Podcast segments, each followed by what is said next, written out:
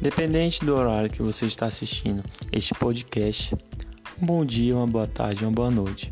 Hoje falarei um pouco sobre o livro Quarto de Despejo, que iniciou-se de um diário de uma catadora de papel, que deu origem a este livro, que relata o cotidiano triste e cruel da vida na favela.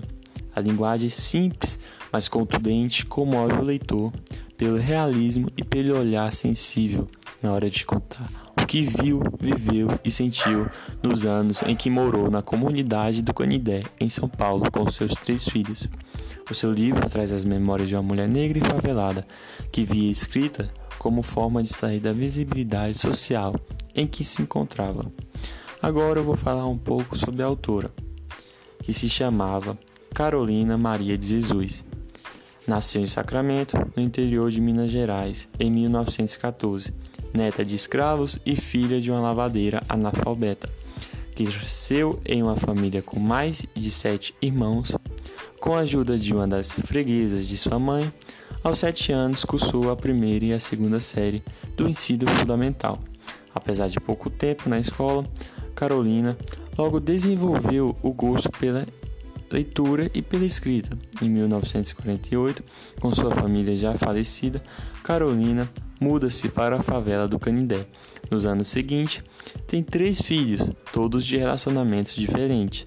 Tinha o costume de trabalhar como catadora de papel à noite e durante o dia escrevia. Lia tudo que, que recolhia e guardava as revistas que encontrava. Sonhando em ser escritora, vai à redação do jornal Folha da Manhã com um poema e pela primeira vez em 1941 seu texto e sua foto foram publicados em um jornal. A partir disso, Carolina escreve regularmente e se torna admirada pelos leitores. É apelidado como a poetisa negra. Em 1958, Audálio Dantas, repórter do jornal Folha da Noite, ao fazer uma reportagem sobre a favela do Canidé, conhece Carolina. Ela mostra seu diário ao repórter, que se apresenta maravilhado com a história daquela mulher.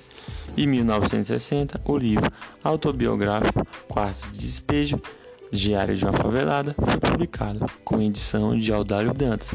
Carolina deixa a favela, mas um tempo depois volta à condição de catadora de papel em 1977. Carolina Maria de Jesus faleceu em São Paulo, esquecida pelo mercado editorial.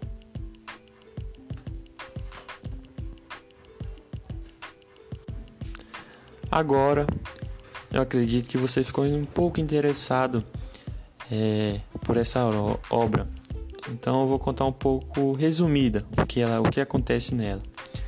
Quadro de despejo traz em seus diários divididos em dia, mês e ano. Retrata do cotidiano da favela de Canidé nele. Carolina narra como consegue sobreviver sendo catadora de lixo e metal em São Paulo e como a falta de dinheiro e de outros tipos de trabalho afetam a sua vida. Em meio a isso, a autora conta sua rotina vivendo na favela e como tinha que fazer sacrifícios para seus três filhos, já que era mãe solteira e tinha que alimentá-los e cuidar de tudo sozinha. Além de ter que lidar com o preconceito de não se casar de novo. Pensando na história, um elemento muito importante nesse contexto é a fome que a autora diz ter, a cor amarela. Carolina tenta fugir, mas às vezes ela chegava com força em sua família, sendo que para ela a pior dor era ver seus filhos passando fome. Assim ela trabalhava muito para comprar comida, além de receber algumas doações e buscar restos de alimentos nas feiras e até mesmo no lixo.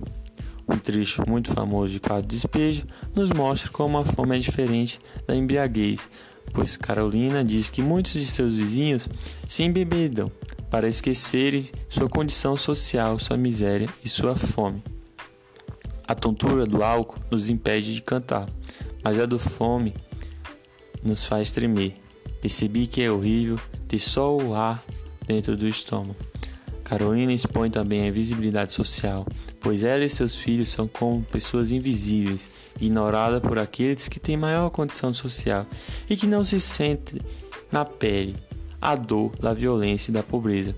Nesse contexto, a autora conta que escreve seus diários, que encontrou quando estava catando lixo como uma forma de escapar um pouco da sua realidade, pois eles trazem esperança para ela e a fazem sonhar que algum dia irá ler estes relatos e entender o que ela havia passado, tirando-a de seus status de invisível.